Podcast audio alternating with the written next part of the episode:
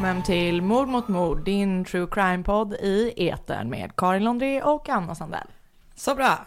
Eh, låt oss... Det var min Get- cirkuspresentation. Bra, jag gillar det. Eh, ska vi köra rakt på den stora nyheten? ja! Vi har äntligen bestämt oss för att vi ska ha en livepodd. Livepodd! Jag är livrädd. Jag är livrädd redan nu. Vi ska, vi ska podda live. Vi ska podda framför folk. Vi ska tydligen lämna den här underbara plats som är din lägenhet och även min. Eh, Exakt, vår lägenhet. vår lägenhet.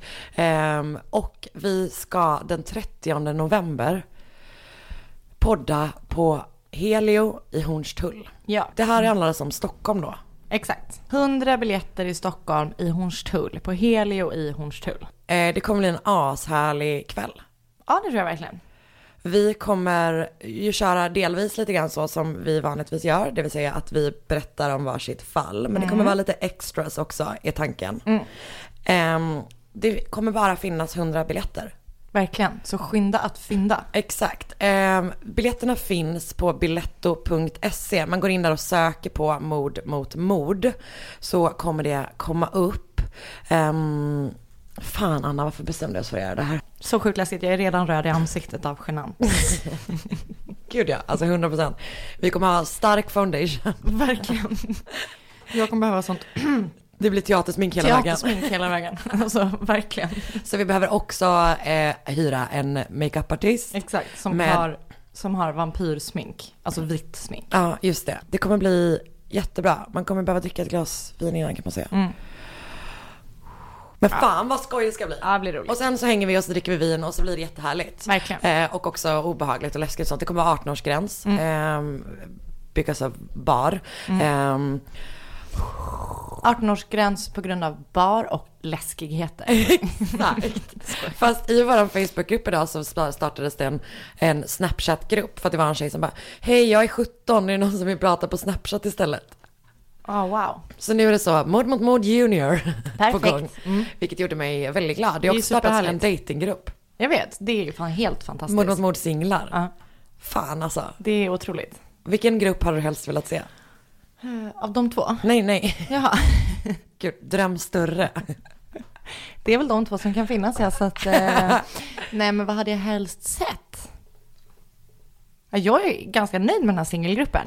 Eh, så Eh, det- Jag tycker det var häftigt att hon som läste tarotkort skrev. Men gud, just det, vi ska få, vi måste läsa, vi ska bli lästa, vad säger man? Du som är lite mer inne i lingot. Ja, eh, jag vet inte vad man säger. Man får sina kort lästa tror jag. Man får sådana kar- karotkort lästa. Ja. Eh, Fan, Det borde man egentligen ha på livepodden. Det blir en annan ja, livepodd. Då blir det, en, exakt. ja, Mm. det ska vi verkligen ha någon gång. ehm, Vi borde göra en halloween special. det kommer vi att göra. Där vi, Wow. Det är typ det här avsnittet, är det inte det? 31 oktober. Oj nej. Vi, vi, vi, vi. Det kanske är det fort här skriv om. Det är bara att vi lägger in lite spöken i våra stories. Wow. Vänta, är det där ditt spöke? För det låter som att du är på väg att sjunga typ så, A shape of you.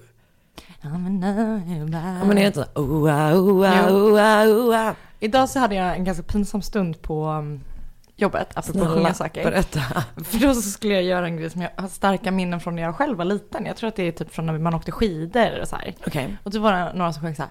Let me see your funky chicken, what did you say? I said... du känner inte heller igen det här? Nej. För jag gjorde det som ett skämt bara så att alla skulle ha, ha, haka på. och och Vänta, ingen är, det, är det rörelse med? Så här. Uh, ah, uh, Alltså du flaxade med armarna lite så, men sån, men vad heter den? eh, Det är som en kycklingdans, fast det var, det var också andra, äh, jag minns inte. Så det finns fler än en kycklingdans? Men är det Alltså, så någon du som ställde dig upp och sjöng den och gjorde moven? Jag stod inte upp och jag hann inte göra movesen för att jag märkte fort att det inte flög. Men eh, det finns... Vad var det som fick dig? Mm, jag frågade eh, nämligen en kollega vad en person hade sagt i telefon. Och då så tänkte jag, what did she say? Eh, Apropå så sjunga, eller låtar som man själv har extremt stark relation till med moves. Mm, smal kategori. Verkligen. Så, eh, Nej, min- inte så. Macarena. Mm, jo, verkligen, det är sant. Eh, Macarena, men det kanske jag har berättat om hur jag lärde mig Macarena, har jag berättat det? Nej. Jag hade en gympalärare som var äcklig, om jag ska vara helt ärlig. Hoppas inte han lyssnar på eller hon lyssnar på podden. Nej, fast vet du vad? Han var en sån person som dansade med den mest utvecklade tjejen när man hade Ja. dans i, på, i skolan. Det Så att, som alla gympalärare. Nej, nej, absolut inte. Det är verkligen In, inte hashtag så. inte alla gympalärare. Ehm, men det känns som man har stött på sådana man, gympalärare. man ska säga. har Ja. stött på dem. Och han var äkta en sån, du vet, så att man visste, hur man visste att man hade fått pattar var typ så här att han valde ut dem. Men nej du vet, det var riktigt obehagligt. Och att han var, det påstods också att han låg med alla så lärarstudenter. Att man såg dem komma ut från ett jävla redskapsrum med lite rufsigt hår typ. Jag vet inte, hon kanske rullat ihop en madrass. Jag vet inte. Men i alla fall den här personen Ja. lärde mig Macarena väldigt tidigt innan Mhm. det blev mainstream. Eftersom han hade varit på Ibiza och lärt sig det. Ja, wow. Jag vill ta tillbaka det jag sa om alla gympalärare. Alltså vi har vi verkligen vi- tillbaka det. Vi tog ju redan tillbaka det. Ja, jag vill bara göra det igen med extra. Emfasis. Mm, emfasis, som det heter. Eh, en annan story om eh, låtar som vi ska kolla då om du känner till. Ja. Eh, när vi var i Israel när min mormor fyllde mm, 80 Mm. med hela släkten. Så hamnade vi på något ställe, typ kanske samma dag som hon fyllde år. Men hon var också en sån som person som hittade på till, på alla restauranger att hon fyllde år alla dagar. För att hon ville ha gratis dessert. Eh, och då så var det en låt som var väldigt stor där som gick så här. Hands up, Ja. baby hands up. Mm, jag mig, i mig. Exakt, är det Army of Lovers? Nej det kan det Nej, inte. nej. Men den Eller? är, är i alla fall djupt rotad i liksom min och min mammas relation Gud, numera. vad kul. Att vi bara eh, gillar att, att sjunga och dansa den. Eh, Mm. Den är bra. Det är en starkare låt än eh, min som jag sjöng Kan vi gå på till den på livepodden? Gärna. För man ska också göra så här. Hands up när man känner sig som en vinnare. Berätta vad du berättade för mig innan du kom. Men Oscar som är min jättegulliga kille, han säger att man ska göra så här.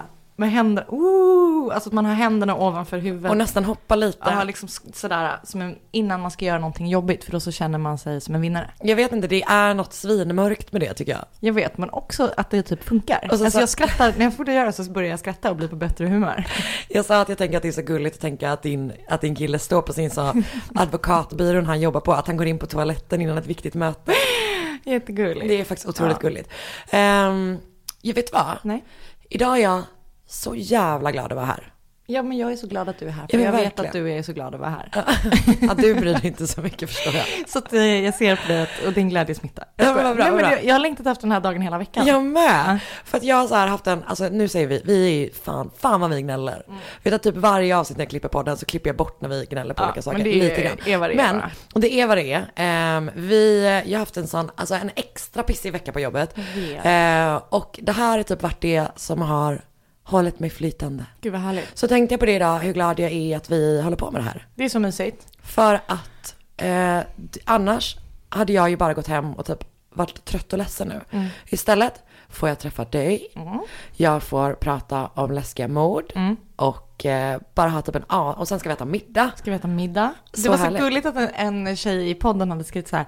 Det är så kul att höra vad ni äter. Och då kände jag, det här är, så precis så känner jag också. Verkligen sant. Så vad äter vi idag då? En grillad sallad. Ja, det låter märkligt men det är fan jävligt gott. Mm. Vi har också fått presenter idag. Ja, jättefina badbomber och tvålar. Lars skickade ett halloween-kit till oss. härligt. Det är eh, liksom ögonbadbomber men det är två stycken och så lägger man dem bredvid varandra så ser det verkligen bara ut som pattar. Verkligen. Men det är synd att inte du har badkar så du får komma hit och bada. Ja eller så bara eh, liksom ehm, lägger jag någonting Sätter dig på för. brunnen i duschen. Exakt. Det är också en glipa under sån duschkabin så att det är så här, jag kommer liksom behöva Kom fylla upp hela badrummet. Ehm, så det har varit, jag känner mig levande igen. Ja, vad härligt. Och det är också mär- märkligt att man blir levande av all denna död. Verkligen. Eh, apropå död. Fan, nu pratar vi om den. Döden alltså. Alltså fall och sånt. Ja, För det här är ju då en podcast där vi berättar om mord för varandra. just det. Just det. Fan vad skönt det hade varit om vi hade en podd där vi bara satt så här. Pratade. Det här, jag fattar, jag är avundsjuk på alla killar. Verkligen. Det här är det enda de gör. Det här är det enda de gör. Men nu blir jag också stressad när jag tänkte på det. Varför det? Tänk, för tänk om man bara, Ta slut på ämnen. ja,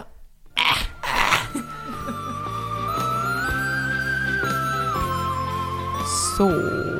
Next story. next story. Vår härliga samarbetspartner Just det.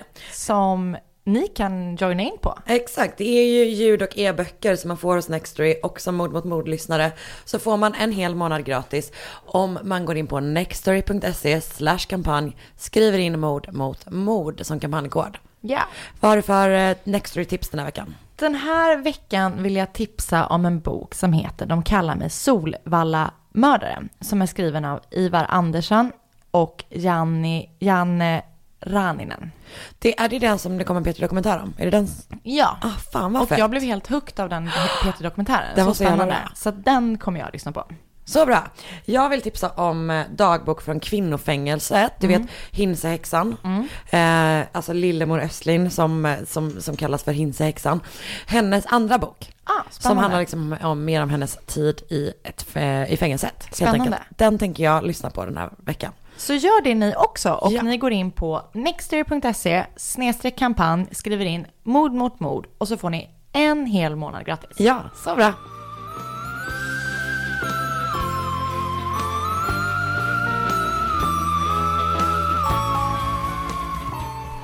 Anna, jag har valt ett sånt jävla sorgligt fall. Okej.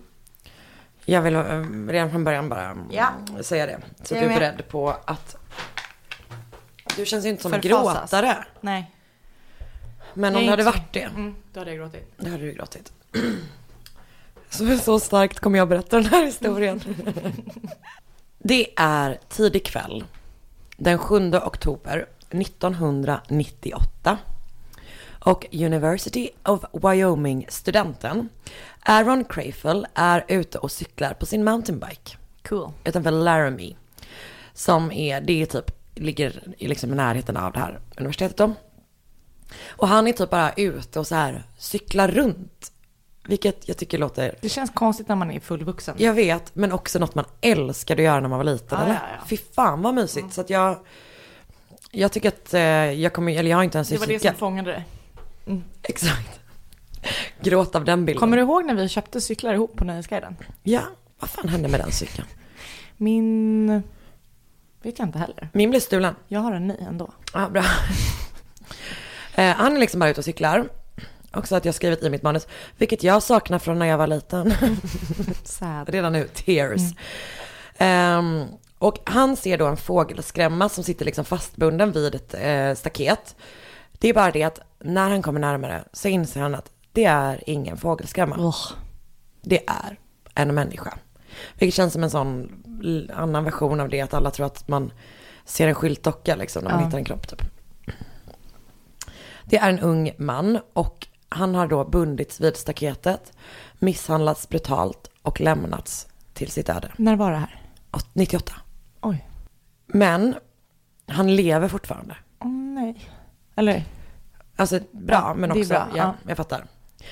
Eh, så Aaron tar sig då så fort han kan till det närmaste huset han ser och ringer polisen. Sen väntar han då med mannen vid staketet och försöker väcka honom.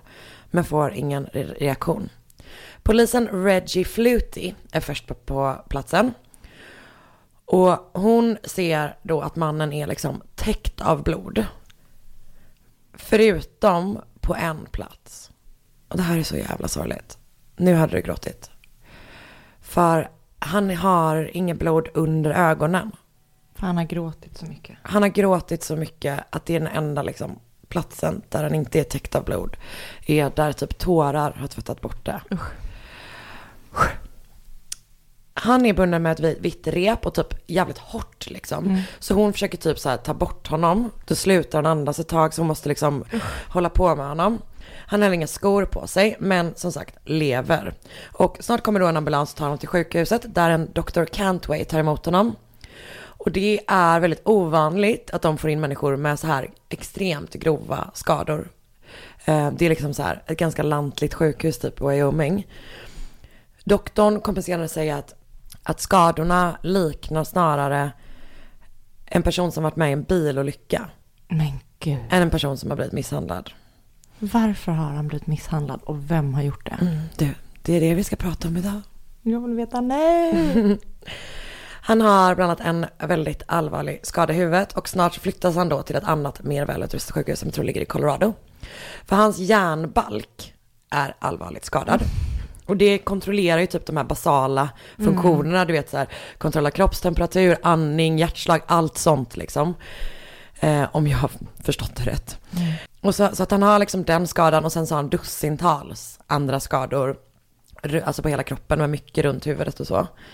Hans tillstånd är då så allvarligt att man inte kan operera honom. Och han kommer aldrig återfå medvetandet. För fem dagar senare så dör han klockan fem i ett på natten den 12 oktober 1998. Han hette Matthew Shepard och hans död satte hatbrott mot homosexuella på agendan i USA. Och det här fallet resulterade i The Matthew Shepard and James Byrd Jr. Hate Crimes Prevention Act. Eh, och det är då en lag som skrevs under av Barack Obama den 22 oktober 2009. Och det här James Byrd Jr. är ett annat fall som är som jag tror att jag, eller som jag kommer ta upp i ett annat avsnitt. För att det är också, Så googla inte det. så googla inte det. Eh, precis, Om inte jag hinner göra det först. verkligen.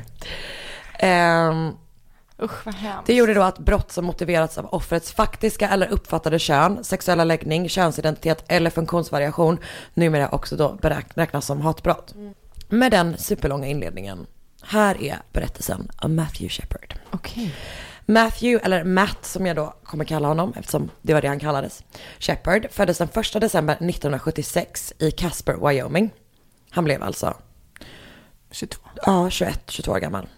Hans mamma hette Judy och hans pappa Dennis. Fem år senare, 81, så föddes hans bror Logan. Och han föddes för tidigt och var liksom under hela sitt liv en väldigt, väldigt liten person. Vilket han också blev retad för typ under Men han sin... lever? Ja, nej men nu pratar jag om Matt. Jaha, jaha, Ja, jaha. förlåt, Logan Ja, lever. Ja. Ja, precis. Lo- Okej, Matt, Matt var... föddes för tidigt. Ja. Mm. Nu kommer jag ge väldigt mycket information om hans bror. Ja. Förlåt. han var då rödhårig och oxe. Förlåt. Det är Jag hängde inte riktigt med i storyn. Jag förstår. Eh, det är helt rimligt. Det var inte så svårt. Men Eh. jag inser. Matt var född för tidigt. Han var tid för, för, född för tidigt, var då liksom väldigt liten i kroppen och blev retad för det under sin skolgång. skolgång. Han var typ inte så här, han var långt ifrån en jock liksom. Men han, alla så här beskriver honom som typ så här en vänlig själ liksom. Att han var, ja, men, att han var en jävligt god person typ. Han håller också på med teater redan från att han är fem år gammal. Jag tänker också att det skulle kunna bidra till att han blir en target liksom. Och han kommer typ fortsätta med det under så här hela sin uppväxt. Han går i skolan i Casper fram tills han är 18 år gammal, för då fanns ju pappa jobb i Saudiarabien. Så hans, papp- hans föräldrar flyttar dit och då börjar han på internatskola i Schweiz, som är du vet så här, någon amerikansk skola i Schweiz typ. Och där pluggar han bland annat teater, men också tyska och italienska och lite andra grejer.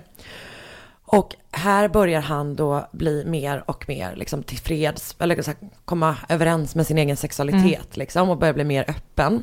Och han har såklart vetat det länge. Och jag tror att han redan efter high school, alltså innan han började på den här skolan, berättade för sin mamma.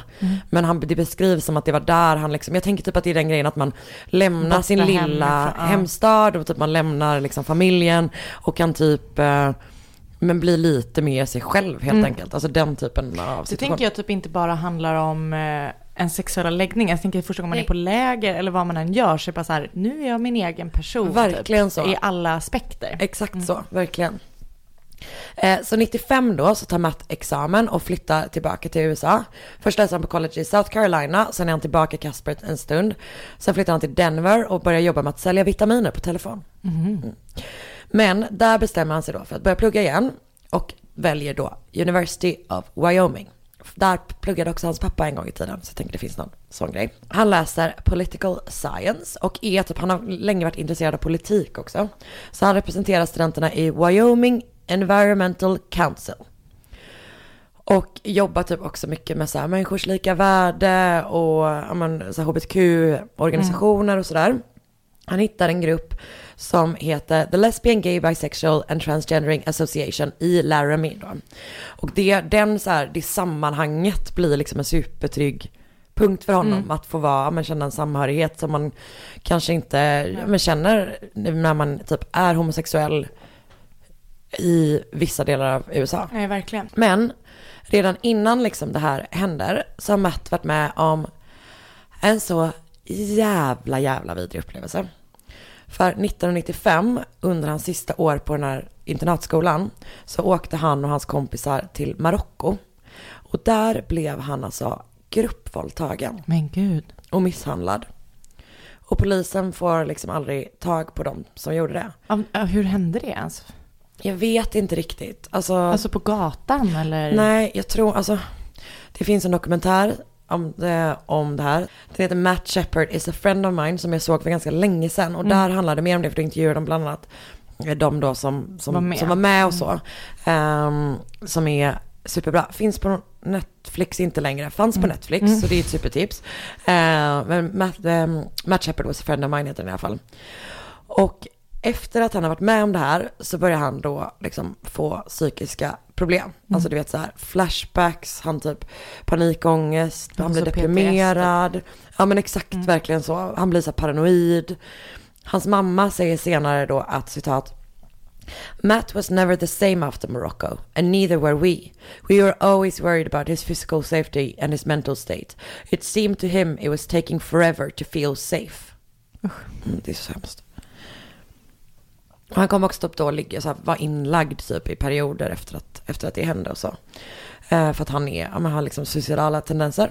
Eh, så några månader efter att Matt har flyttat till Laramie och börjat plugga på University of Wyoming så är han ute med den här hbtq-gruppen och de typ käkar middag och planerar något event typ. Sen så går de till ett ställe och äter dessert. Och sen så vill Matt gå vidare och ta en öl. Så han typ försöker övertala dem att så här, ska inte vi gå och typ ta en öl ihop? Och alla är så här, it's a school night Matt. Eh, så de bestämmer, de vill inte göra det. Han får skjuts av en kompis hem till sig och hon ser honom gå in och sånt. Men efter det har Matt bestämt sig för att ensam gå ut och ta en öl. Så han har liksom gått från sitt hem igen. Så han hamnar då på baren Fireside Lounge eh, och är ensam där. Han kommer dit vid halv elva och beställer en Heineken. Och vid tolv så dyker två personer upp på baren. Aaron McKinney och Russell Henderson. De beställer en kanna öl att dela på. Alltid en bra beställning. De börjar typ, de approachar Matt, eh, berättar då bartenders senare. Eh, och de tycker typ, alltså de som jobbar den kvällen, eller om det är den, jag minns inte om det är en person eller flera, är typ så här, det här är typ ett konstigt gäng. Att de sitter ihop och dricker Alltså de går liksom bärs. över och hänger Ah, okej. med honom. Ja men precis. Och han är typ så här supersocial och bara typ sjukt snackig liksom. Men de tycker typ att de, men att de ser märkliga ut ihop. Han är typ väldigt finklädd, typ så properly dressed. Och de andra beskrivs som grungy. Vilket jag inte vet är att om det ser ut som att de typ gillar Nirvana. Eller om de är Nej. sunkiga, du fattar. Men trots att de verkar då vara ett omaka gäng så lämnar de baren tillsammans. Och det kommer senare då visa sig bero på att de två har lurat Matt att de är homosexuella. För att invagga honom i en falsk trygghet och få honom att lämna baren. Så de säger typ så här, vi kan köra dig hem. Och Russell Henderson, nu kommer jag då berätta lite mer om de här snubbarna. Russell Henderson eh, beskrivs som en helt vanlig amerikansk kille. Sitt stora citattecken. Ehm, en person säger att han är a pizza eating, beer drinking, fishing, hunting, work on your car type of kid. Han ska vara väluppfostrad och trevlig. Det är däremot inte Aaron McKinney som är den andra personen. Han eh, är beskrivs som en människa som inte kan kontrollera sin ilska. Eh, och att han, han hittade en väldigt liten, men lider, de påstår att han lider av, eller det sägs, vissa, vissa beskriver honom som att han lider av Napoleonkomplexet. Vilket fan är ett jävligt ocharmigt komplex alltså. Eh, han har redan dömts eh, så här dussintals gånger, men mest för så småbrott. Eh, men 97 så rånade han en Kentucky Fried Chicken på 2500 dollar, vilket typ känns som det mest amerikanska brottet. Alltså verkligen. Ehm, och en bekant till honom säger att Aaron had an anger in him and once he gets mad and gets started there's no stopping him. Så, de här två personerna ehm, har liksom då spottat Matt och insett så här, han är ett lätt offer att råna. Det är det som sägs i alla fall, att det var det de tänkte. Han är fortfarande liten och lätt, jag ska visa bilder på det. Alltså han ser ut som en pojkbandsdröm. Alltså han gör verkligen det. Du vet, tänkte 98. Ja. Ehm, Så att planen var då att få ut honom från baren för att kunna råna honom enligt dem. Men under bilresan, och det här är så här vad de, man vet ju inte riktigt eftersom det bara Nej. är de två som kan berätta den här historien. För Aaron ska då ha sagt till Matt att de inte alls är homosexuella utan att de tänker råna honom. Och Matt är typ så här, ja okej ta min plånbok. Alltså det är verkligen så här direkt super compliant typ. Eh, men det hjälper förstås inte. Utan de börjar slå Matt i bilen med handtaget på en pistol. Och sen så kör de rakt ut i ödemarken med honom. Tills liksom vägen tar slut. Och så är de helt ensamma. Det pågår typ ett husbygge där men det är ingen, Nej. det är ingen där liksom. Där binder de då Mats händer bakom hans rygg och sätter fast honom vid det här staketet. Det var där han också hittades sen. Ja. Mm. Ehm, och medan Russell binder honom så tar Aaron av honom hans skor eftersom han säger själv att det var för att han inte ville att han skulle kunna gå tillbaka in till stan. Men- I don't know. Ehm, och sen misshandlar de honom och misshandlar honom och misshandlar honom. Och de säger då att det är för att så här, vi ville bara råna honom men han hade sett registreringsskylten. De bara, nej men ni brydde er inte om hans liv. Alltså det är Nej. liksom, ja. Och typ det är så här kalla temperaturer också. Så i den här ödemarken, fastbunden och misshandlad något så jävligt. De säger själva att de trodde att han var död. Mm. Så lämnar de honom. Gud vad hemskt. Sen drar de tillbaka in till stan och de säger typ att de planerar att göra inbrott i hans hus och ta mer grejer. Men istället träffar de på två, eh, ung, alltså två snubbar med typ latinobakgrund och eh, börjar bråka med dem. Så bland annat slår Aaron en av dem i huvudet med en pistol. Och när polisen kommer så springer Aaron och Russell från platsen. Men de lämnar Russells bil. Och i den bilen hittar man bland annat Mats kreditkort. Okej. Men polisen vet ju liksom inte vem han är eller Nej. att det har hänt honom någonting eller överhuvudtaget så. Så 01.30 kommer Aaron McKinney hem till sin flickvän, täckt i blod. Och säger då att ja, han har gjort något fruktansvärt och förtjänar att dö. Hon säger typ att han kräks och du vet så här så. Men han säger och skyller också på Matt och är typ så här att den här killen började ragga på oss så vi var tvungna att man bara fuck you dude. Eh, och dagen efter så träffas Aaron, Russell och deras respektive flickvänner och börjar prata om hur de typ ska lägga upp sina stories. Så eh, Aarons flickvän kör honom till sjukhuset för att han har då fått en skada i huvudet av det här bråket med de här snubbarna de träffat på senare. Och där behandlas han av samma läkare som senare under kvällen kommer få in Matt. Och under en period så ligger de liksom Nej. i samma sjukhuskorridor. Wow, vad sjukt. Så efter att hon lämnat av eh, Aaron så kör henne, hans flickvän och Russells flickvän åtta mil för att göra sig av med deras pojkvänners blodiga kläder. Men gud. Ja. Det är verkligen rycker ut. Alltså vad fan. Ja, men hon det är också typ så här. Alltså Aarons flickvän har också varit bara så he came on to her them. Bla. Man bara, mm, mm, nej, Nej. nope. Så 18 timmar efter att de har lämnat honom fastbunden vid det här staketet så hittar Aaron Crayfell Matt Shepard. Och Judy och Dennis Shepard, som fortfarande bor i Saudiarabien vid det här läget, eh, får då ett samtal om vad som har hänt deras son. Sen tar det, tar det 20 timmar innan de lyckas ta sig på en flight. Alltså kan du ens Ja, vad hemskt. förstå att det är så här, det är liksom, han kommer dö och vi måste typ hinna dit. gud, vad hemskt. Sen kör de och hämtar då Logan, som ju du eh, bryr dig väl mycket om, eh, innan de åker till sjukhuset. Och då vet de redan att Matt kommer aldrig vakna igen. Men de vill liksom se honom typ. Gud vad sorgligt. Aj, aj, aj, det kluckar i rören. Men det är väl inget att bry sig om? Jo, då är det dags för de gröna bilarna. Spolarna behöver göra sitt jobb. Spolarna är lösningen. Ah, hör du? Nej, just det. Det har slutat.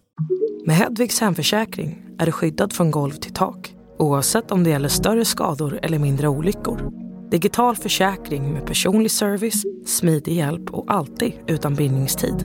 Skaffa Hedvig så hjälper vi dig att säga upp din gamla försäkring. Hedvig hemförsäkring, ett klick bort. Och det här fallet blir liksom en jättestor grej direkt. Eh, och man börjar liksom direkt så prata om brott mot hbtq-personer. Time Magazine har alltså en bild på staketet på sitt omslag. Alltså det är liksom, och så står texten The War Over Gays. Mm. Bill Clinton börjar redan då prata, och ge, prata om att driva igenom den typen av lag som Obama sen skrev under typ tio år senare. Ehm, men för Shepard-familjen är det, det här, liksom, hela den situationen är liksom helt fruktansvärd. För att för dem är inte så här, Matt är typ ingen hbtq-martyr. Alltså så här, han är deras son Mm. liksom. Och du vet så här, journalister ringer och ringer och försöker få tag på dem och det är liksom så här, sån jävla media frenzy. Mm. Bill Clinton ringer och de funderar på att inte ta hans samtal. Men sen gör de det ändå. Mm. Vilket de i efterhand har sagt att de, var- att de är glada att de gjorde. Men det blir liksom så här, för att du ska hantera det värsta som kan hända dig. Nej, det är helt stört. Ja, det går, ja, som sagt, världens sorgligaste historia. Eh, som sagt, fem dagar på sjukhus, sex dagar efter attacken så dör Matthew Shepard. Och han gör det utan att man behöver bestämma sig för att typ stänga av de här maskinerna typ. Och vid en presskonferens säger senare då sjukhuschefen att familjen Shepard tyckte att det var skönt att de slapp ta beslutet. Att de hade sagt att, alltså det här är så jävla, mm. Like the good caring son he was, he removed from them the guilt and stress of making that decision. Mm. Jättehemskt. Aj, så jävla Det är verkligen heartbreaking. otroligt sorgligt. Så den 16 oktober begravs Matt Shepard. I kyrkan är det 400 personer. Ytterligare 500 personer lyssnar via högtal- högtalarsystem i närliggande rum och typ en kyrka bredvid. Hans familj har då bett allmänheten om att de ska få typ en fridfull och värdig begravning. Men trots det så dyker förstås asen från Westboro Baptist Church upp. Det är ju de God Hates Fags personerna. Eh, så de är liksom där och typ så här gormar om att det är rätt att det som har hänt honom. Men liksom. gud. Och de omringas av sörjande som sjunger Amazing Grace för att typ översätta dem. Och varje gång jag säger Amazing Grace så tänker jag bara på Amazing Grace. Ehm, så de så här ställer sig runt och börjar sjunga det för att typ så här täcka över deras jävla Gud, fucking vad sjukt. vidriga hatspior. Det var som i Almedalen i somras när ehm, När, Vad de? KRIS, Kris, kriminella ute i ja. samhället, ställde sig Ställde runt NMR-arna runt, på talen. Ah, Mm. Fan vad starkt. Åh, jag fick rysningar när jag Mm, tänkte på det. otroligt. Jag var rörd av KRIS hela Almedalen. Det Mm. var typ en av få saker som gjorde mig I lite know. hoppfull. Mm. Eh, men det blir, alltså den händelsen blir startskottet för en organisation som heter Angel Action, vars grej, alltså det här är det de gör, jag vet inte om de finns fortfarande, men de fanns innan, är att åka, åka runt till ställen där Westboro Baptist Church håller på med sin skit, i så här stora typ änglaliknande outfits och ställa sig runt om och sjunga så att de ska täcka upp deras plakat med sina så här vingar liknande grejer eh, och typ att de ska överrösta dem. Gud vad bra. Och det är eh, en av hans vänner, en av Matts vänner som startade den. Eh, Russell Henderson och Aaron McKinney grips, grips som det heter. Eh, de grips eh, kort efter att han då har hittats. För att så här, ja, de har hittat hans grejer i Russells bil. Och sen börjar de liksom bygga därifrån. Sn- Snart är både de och deras flickvänner gripna. Henderson erkänner sig skyldig och därför är han aldrig uppe i rätten. Och han gör också typ en deal där han vittnar mot Aaron. Aarons advokat kör alltså på riktigt Anna, gay panic eh, Det är så sjukt. Och du vet att, så här, att det typ är ett försvar som är så vedertaget att det finns Wikipedia-artikel. Nej, nej. Det är ju alltså bara att man säger så här, min klient kunde inte hjälpa, hjälpa vad han gjorde. Nej. För det fanns en homosexuell man där som eventuellt Mm. ragg, alltså du vet, nej. äh, det är så jävla grovt tycker jag. Mm. Alltså det är så jävla typ, jag fattar att en, en, alltså, en försvarsadvokats De hela ju- grej ja, mm. är ju att typ att leta utvägar. Mm. Men ändå, alltså Nej, det, det är inte- är så det är ju helt- hjärtlöst och så jävla bakvänt Ja. att det, ja. Mm. Det säger sig självt. Det Ah, jag får panik. Jag vet. Typiskt USA att kunna göra sådana Jag vet, men bara att det fanns typ en sån Wikipedia-sida för det. I hela huvudet. För det är liksom så här, mm, nej men eh, det är ju så många som kör när man mördar homosexuella personer, Mm. absolut. Eh, de påstår också då att i perioder att Matt inte mördades på grund av sin sexualitet, utan för att de ville råna honom. Så att jag antar typ att man vill komma bort från, ja men det hela, alltså så här, någon slags hatbrottsproblematik eller så. De fick i alla fall två livstidsdomar var. Och jag tror att deras flickvänner dömdes också. För att de hjälpte Mm. Det ju dem. de ja, jag tror att de du vet, hjälpte ja. sån att man gömmer en flykting. Medhjälp, ja, exakt. Judy, Dennis och Logan Shepard startar The Matthew Shepard Foundation, en välgörenhetsorganisation som då jobbar med hbtq-frågor. Och bland annat så samlar de material som riktar sig till unga hbtq-personer. Eh, och så kan typ unga hbtq-personer också blogga på deras här, plattformar typ.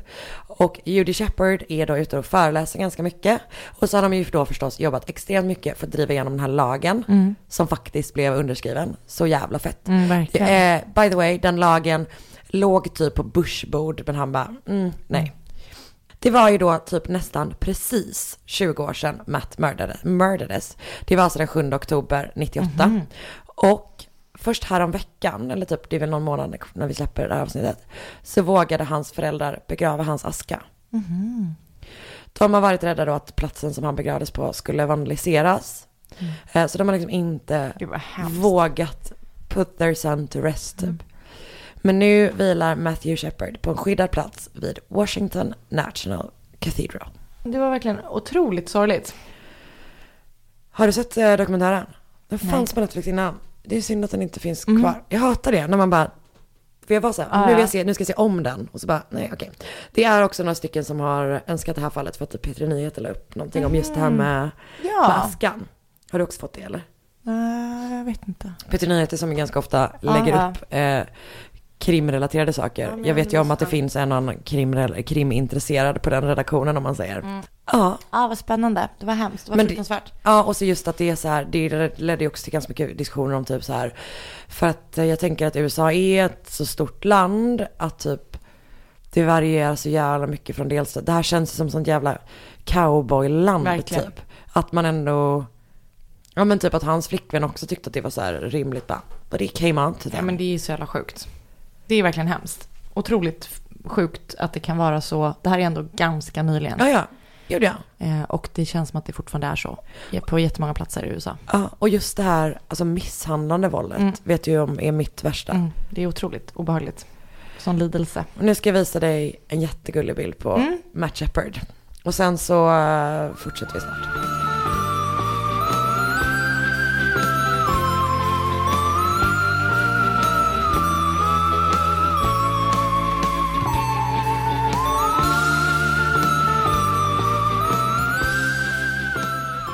Jag har lite som ett... Eh, det är både KBT fast ändå inte. Men det handlar om en yxa i det här fallet. Detta. Det involverar en yxa. En yxa huvudpersonen.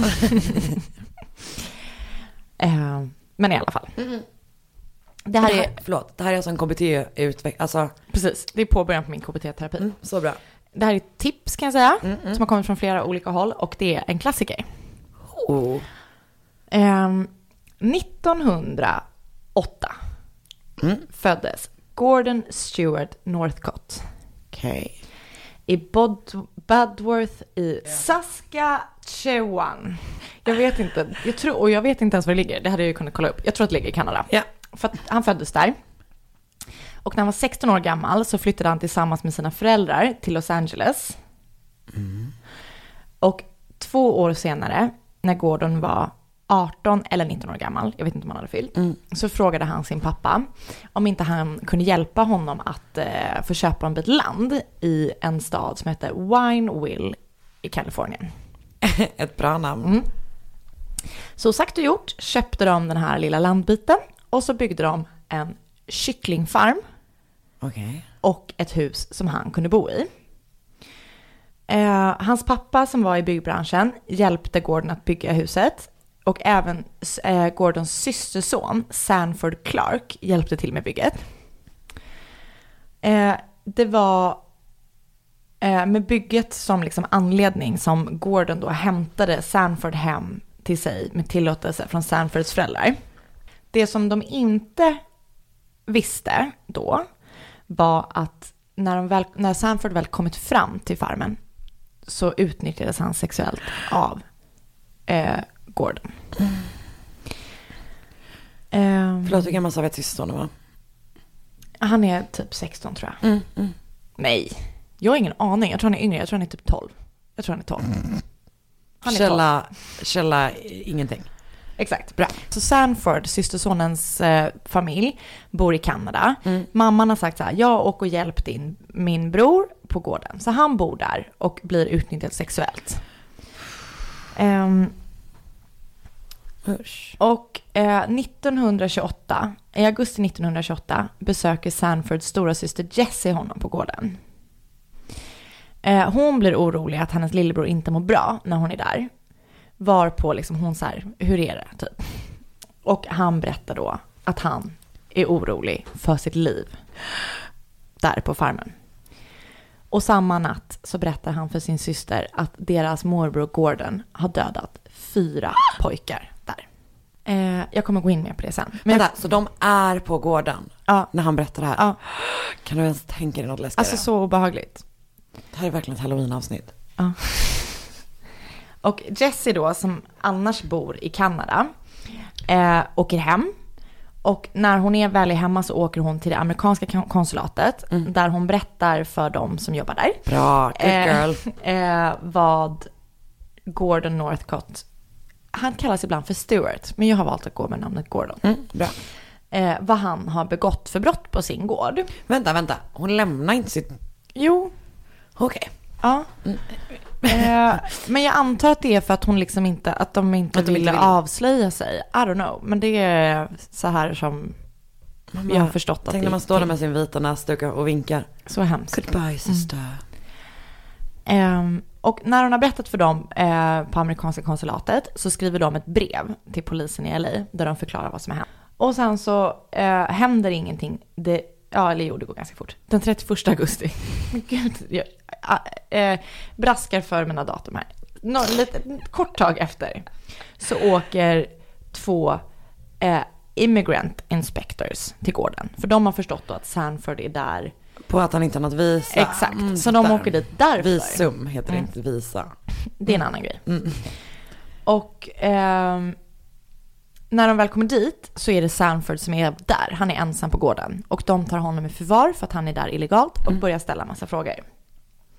Det som har hänt precis innan polisen har kommit dit är att Gordon har sett dem köra upp, alltså det har kommit en bil eh, upp på gården. Så han känner så här, okej, jag, jag anar mugg, ugg, mugglor i ossen. Ugglor i mossen. Ja. Så han säger till sin systerson, det är upp till dig att uppehålla de här poliserna medan jag sticker. Och om du inte gör det så kommer jag skjuta dig från skogen här bakom. Jag. Så Sanford är ju då pissrädd, sitter där och typ blir förhörd av de här poliserna. Eh, och. Så i två timmar så sitter han där med poliserna och pratar om att han är där illegalt eller vad de nu pratar om. Ah. Och sen så efter två timmar känner han till slut bara så här, fan nu kan han inte typ hålla koll på mig längre. Så då berättar han vad som har hänt och säger att eh, Gordon har flytt genom skogen bakom huset. Och det visar sig då att Gordon eh, har rymt till Kanada. Så han har dragit genom skogen mot Kanada. Ja, Den lilla promenaden. den lilla promenaden. Och det som är väldigt speciellt är att när det här händer så är Gordons mamma tillika Sanfords mormor på besök. Och hon flyr tillsammans med Gordon. Så båda de har flytt till Kanada. Så de är där. Sanford har berättat vad som har hänt. Kanadensiska polisen letar efter Gordon och Gordons mamma. Ja. Och de blev gripna drygt två veckor senare i Vernon i British Columbia. När de väl har blivit hittade och gripna så vittnar Sanford Clark, som är då systersonen, mot sin morbror och sin mormor. Han berättar i vittnesbåset att eh, Gordon har kidnappat, misshandlat, våldtagit och dödat fyra unga pojkar. Och att Sanford, alltså han själv, och att Sarah Louise, som är mormor slash mamma, har varit medhjälpare i att locka dit pojkarna och även varit medhjälpare i morden och i att göra sig av med kropparna. Va? Han berättar i ehm, förhöret, förhören att han har tvingats liksom hjälpa Sanford med att göra sig av med kroppar. Vid ett tillfälle så har han fått en skalle, ett huvud av Gordon som han tvingades att bränna och sen krossa för att göra sig av med bevis. Han har också berättat att de använde något som heter quicklime som är eh, någon slags kemisk röra för att göra sig av med kroppsdelarna och att man begravde delar av kropparna på Winewill Chicken Ranch, alltså där de bodde. Mm. Så när de har fått höra det här, polisen, så börjar de leta på gården där gården bodde.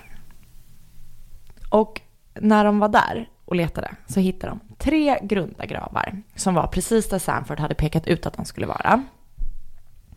Men när man gräver upp dem så märker man att de inte innehåller hela kroppar utan det är endast delar av kropparna. Och ehm, det är för att enligt Sanford då, som berättade i ett förhör, att precis innan polisen har kommit så har Gordon och hans mamma grävt upp gravarna och bränt kropparna i öknen. Så liksom kropparna i helhet har inte hittats någonsin, utan det har bara hittats fragment av kroppsdelar. Men totalt så innehöll de här gravarna som man hittade 51 kroppsdelar. Och eh, det som man hittade i gravarna tillsammans med Sanfords vittnesmål ledde till att polisen kom fram till att det var fyra pojkar som hade mördats på gården. Det var Walter Collins, två bröder som hette Winslow i efternamn och en mexikansk pojke som aldrig blivit identifierad. Gordon och Louise, Sarah Louise, greps av den kanadensiska polisen 19 september 1928, alltså då när de greps där i. Men de lämnades inte ut till Los Angeles förrän den 30 november. Så de satt i förvar i Kanada i typ en månad, två månader ungefär. Eh, Och under tiden som de satt i förvar så erkände både Sarah Louise och Gordon sig skyldiga till morden. Men precis innan de ska utlämnas så tar de tillbaka sina erkännanden. Och jag tror att det är för att Kanada inte hade dödsstraff. Så att de kände att de kunde, jag vet inte varför. De tar i alla fall tillbaka det. Ehm, och det är också, jag lyssnade på flera poddar om det här. Och eh, det beskrivs att så här, hela familjen, alltså Gordon, hans syster då som är mamma till Sanford och mamman har en helt, det verkar som att det har varit incestuöst. Liksom. De verkar ha haft någon helt sjukt band mellan varandra. Vänta, någon slags... Det verkar vara något, inte, jag vet inte om mamman och dottern, men att båda verk, både mamman och dottern verkar ha en super, Åh, nej, det är inte bra. Det är inte bra. jättedålig relation till, eh, eller Till honom. jättedålig, men väldigt De tyckte att den var bra. opassande relation till sin bror slash son. Väldigt nära relation till sin bror slash son. Exakt. Mm. Så att det är därför liksom, mamman har hjälpt honom och sådär. Och systern kan man också tro att hon kanske fattade vad som pågick där. I... Men vänta, hon skickar ändå dit sin son? Mm. Åh nej. Det här är föräldraskap jag inte kan vara med på. Alltså jag vet. Jag har inga barn så jag vill inte döma någon, jag vet inte hur det är. Men, Men det känns grej. Opassande. Man gör inte det. Man gör inte det tror jag. Så de erkänner när de sitter i Kanada. Men när de väl, och sen tar de tillbaka det. Men när de väl kommer fram till LA så bestämmer sig Sarah Louise för att erkänna i alla fall att hon har dödat Walter Collins. Så hon har liksom varit med och mördat med. Ja, Hon har mördat en ja pojke. och jag kommer berätta snart varför. Dum, dum, dum. Så hon erkänner sig skyldig till mordet på Walter Collins och hon döms då direkt till livstidsfängelse utan rättegång. Hon besvarades dödsstraffet i och med att hon var kvinna. Mm. Oj. Hon försökte under hela tiden hon förhördes hävda att hennes son var oskyldig och liksom hon tog på sig det här. Snark. Och hon gjorde massa konstiga uttalanden för att försvara honom. Bland annat om att han var liksom son till någon som, du vet, att det var någon så här jättekonstig Ja, hon hade tänkt för länge i sin cell. Exakt. Ja. Och eh, hon dömdes då till livstid. livstid. Hon satt bara 12 år i fängelse innan hon frigavs. Men sen dog hon typ två år efter hon hade kommit ut. Ja. Det spekulerades i att Gordon skulle ha döm- dödat så många som 20 pojkar. Inte bara Oj. fyra. Men man kunde inte få, fram bevis som stödde den här teorin. Så därför åtalades han för tre mord. Och anledningen till att det bara var tre och inte fyra var för att mamman, Mamma hade redan fått på sig det första. Exakt. Ja, just eller det andra eller vad det var. Så han ställdes inför rätta under början, alltså januari 1929. Mm. Juryn fick då höra att han hade kidnappat, våldtagit, torterat och sen mördat de här pojkarna. Rättegången pågick i 27 dagar och sedan dömdes han till döden den 13 februari 1929. Han hängdes sedan den 2 oktober Ja, 1930. Och då var Gordon Northcott 23 år gammal. Nu kommer jag berätta vad som har hänt i den här lilla, apropå lång inledning. Och det här var en ganska lång och ganska rörig inledning. Jag ber om ursäkt. Jag gillar den, jag tyckte om den. Man var Och lite... alla andra kan dra åt helvete. Tack Karin, tack. nu börjar jag berätta i alla fall vad som har hänt. Ja.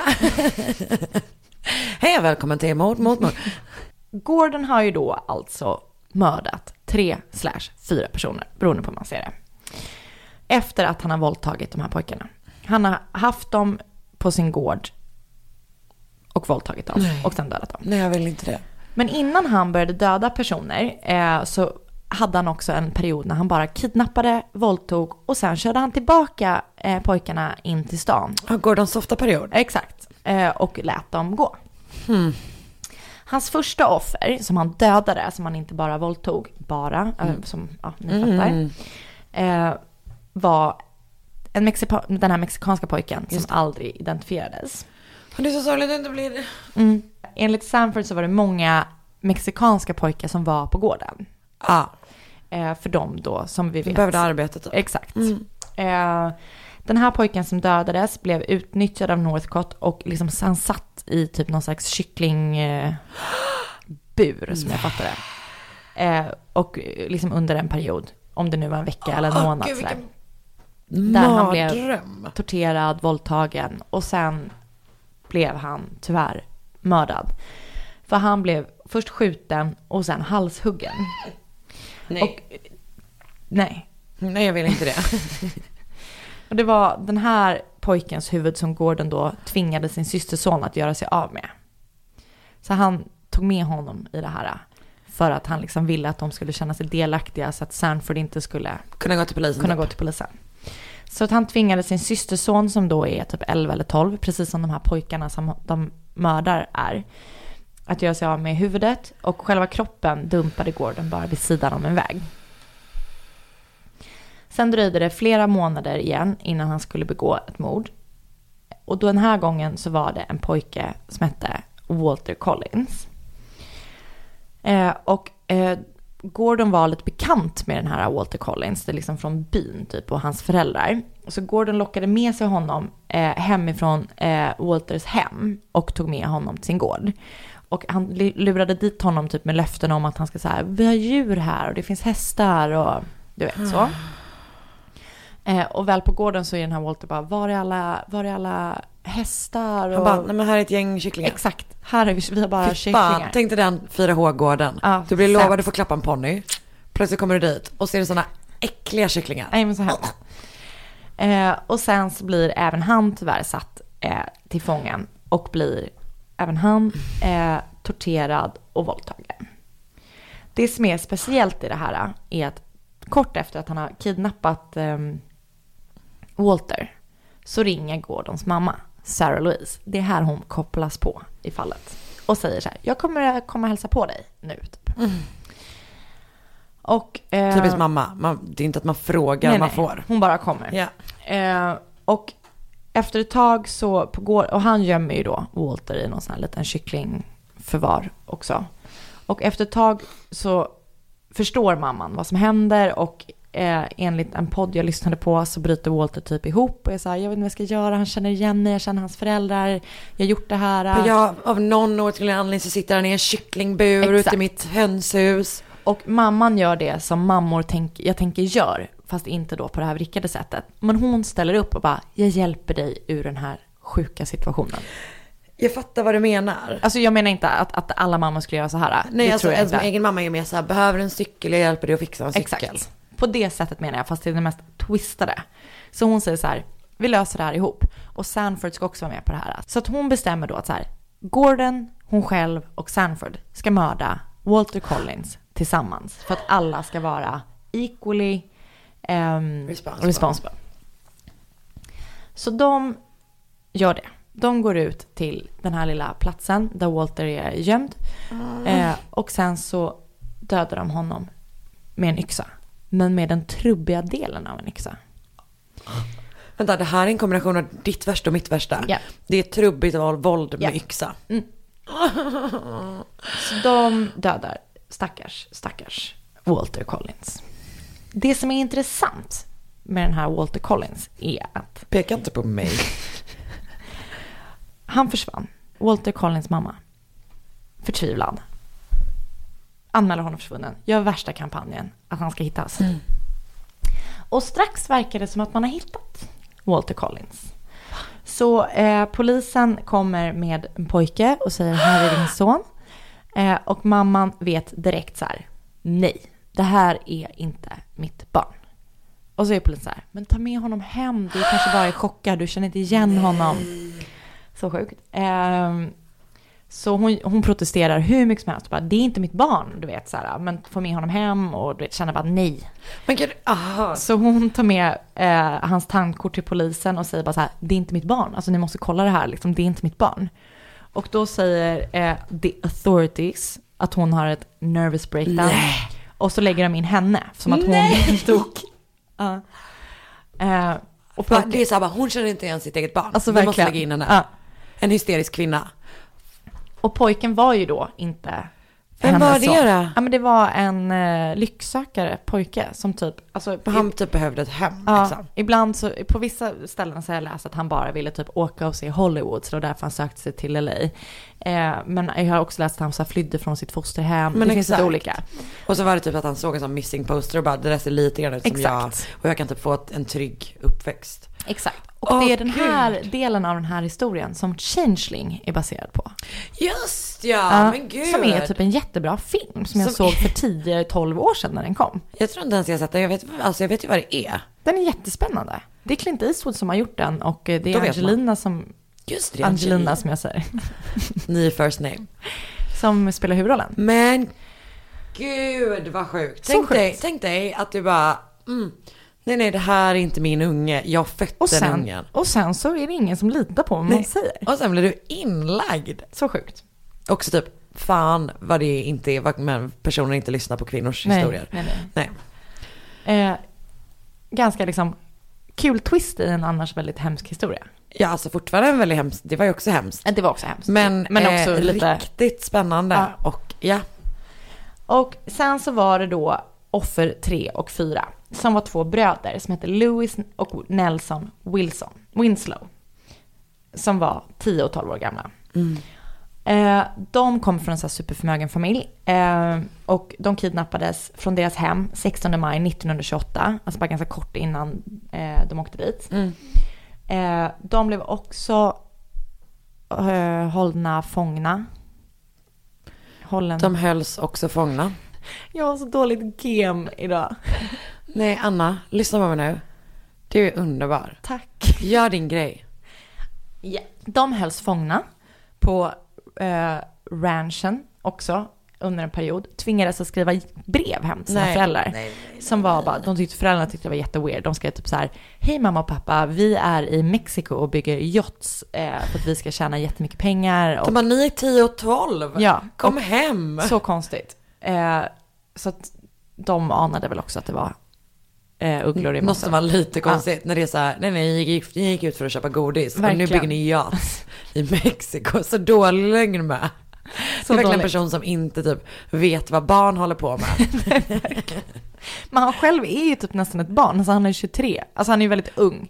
ja, ja, gud ja, men han har uppenbarligen inte så bra koll på the kids of today. Nej, det är sant. The Kids Han of ganska- Your 1928. Verkligen. Ehm, Vad har de på Snapchat-grupp? verkligen. Eh, och de här blir också sexuellt utnyttjade, de här stackars pojkarna. Och även de dödade med den trubbiga delen av en yxa. Det är så jävla hemskt. Och mamman och Sanford. Sanford har jag förstått det som eh, eh, när jag har läst saker vinklat från hans håll. När han har återberättat, vilket man ju verkligen kan förstå. Haft sån sjukt ångest. För att det är pojkar som är i hans ålder som han har tvingats liksom typ, du vet, gå och kontrollera. Du vet, han var tvungen att tvätta pojkarna för att eh, Gordon inte tyckte om när de var smutsiga. Alltså du vet, jättemycket sådär. Så att han har verkligen blivit eh, det liksom. psykiskt misshandlad och utnyttjad på ett Och vidrigt sätt. utsatt själv uppenbarligen också. Liksom. Otroligt eh, mycket utsatt. Eh, så det var det som hände på gården. Och sen så åkte ju de dit och sådär. Och precis som många dårar in, efter och säkert innan Gordon Northcott så ville han absolut företrädde sig själv Såklart. i rättegången. Så han liksom ställde frågor till sig själv och sen svarade han på Nej. dem. De är typ mina favoriter där. Alltså, Alltså, det är så jävla Det är. Mm. så jävla roligt. Mamma, du tror att du är så fucking smart. Men du är riktigt Du dum. är en idiot. Ja, du är en rakt av idiot. Det är så sjukt. Ja. Och han sa det så här, nej men jag älskade de här pojkarna och du vet, han verkar vara sånt riktigt psycho. Snälla älska inte mig, jag gillar Nej. inte hur du visar det. Så kort och gott då, eh, fast ganska rörigt. Eh, Kort. det, Ja. finns, det finns alltså eh, typ åtta poddar som jag hann lyssna på, kanske fyra av de här som vi kommer tipsa om. Är det här The Chicken Coop Murders? Ja, just det, tack. Det glömde jag säga. Jag tror precis, det är The Chicken Coop Murders. Ja. Och jag vet inte vad coop betyder, så därför blev det hela tiden en kycklingbur i mitt huvud. Men det kanske är det. Jag vet inte. Chicken Coop. Det är The Chicken Coop Murders. Ehm, Som ju är en klassiker. Som man typ, eller typ jag, jag kan det namnet men kunde inte storyn. nej. Och alltså det är så mycket med den där som är bara rakt av mardröm. Ja. Alltså du vet att det är så här, Familjen är med på det. Eh, buraspekten av det, gårdsaspekten av det tycker jag är så jävla obehaglig. Det är likadant med du vet han Robert Picton, du vet han grisbonden. Alltså det är, det är så obehagligt med en sån, okej det här kommer något konstigt, med en sån obehaglig person som har tillgång till så mycket mark. Jag och vet. du vet så här, så Kan mycket, göra vad som helst. Man är skyddad, alltså, skyddad av rent geografiskt, Ja. ex- exakt så. Äh, jag får, Jätteläskigt. Och eh, som jag sa, det finns jättebra ingående poddar. Från Sanfords vinkel, lite mer så, så. Det finns massa böcker. nu har vi fått dem från Annas vinkel. Precis. Eh, så att eh, i Facebookgruppen kommer det finnas massa mycket mer material. Ah. Som vanligt. Fan vad bra. För jag bara touchar på ytan. Men jävlar. Alltså, just det att tvinga någon.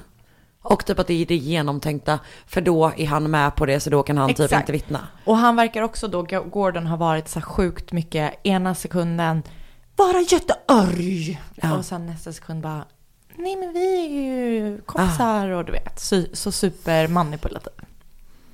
Vilken, alltså det kan ju vara lite konstigt att hänga med sin släkt i allmänhet. Ja. Men det här är ändå ett extremt case, det tycker jag ändå att vi kan vara tydliga med. Och jag har förstått det som också att kvinnorna i familjen eh, Northcott, alltså Gordons syster och mamma, var så superdominanta. Både mamman mot Gordons pappa och systern mot sin man.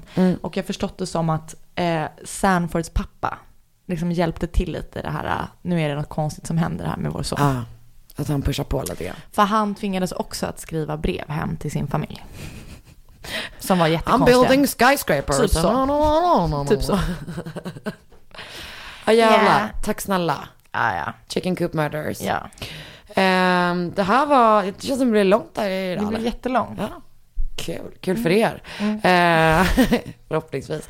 Ehm, ja, följ oss på Instagram. Du heter att Anna, jag heter att Karin Londre. Där önskar man fall i DMs. Ja. Man kan gå med i vår Facebookgrupp, Mord mot mord podcast. Ja. Ehm, och eh, Sen måste ni vara med på vår livepodd. Ja. Hoppas vi säljer ut snabbt. Ja. Alltså för, att- för att förstå du ens vilken djup ångest vi kommer ha när Ja. vi går ut med det här. Alltså, Ja. ja. Det redan Vi får ju typ ta ledigt och ligga under någon jävla stol. Nej, kudde. Ehm, men det var väl det. Ja. Tack för den här veckan hörni. Tack. Aj, aj, aj, det kluckar i rören. Men det är väl inget att bry sig om? Jo, då är det dags för de gröna bilarna. Spolarna behöver göra sitt jobb. Spolarna är lösningen. Ah, hör du? Nej, just det. Det har slutat.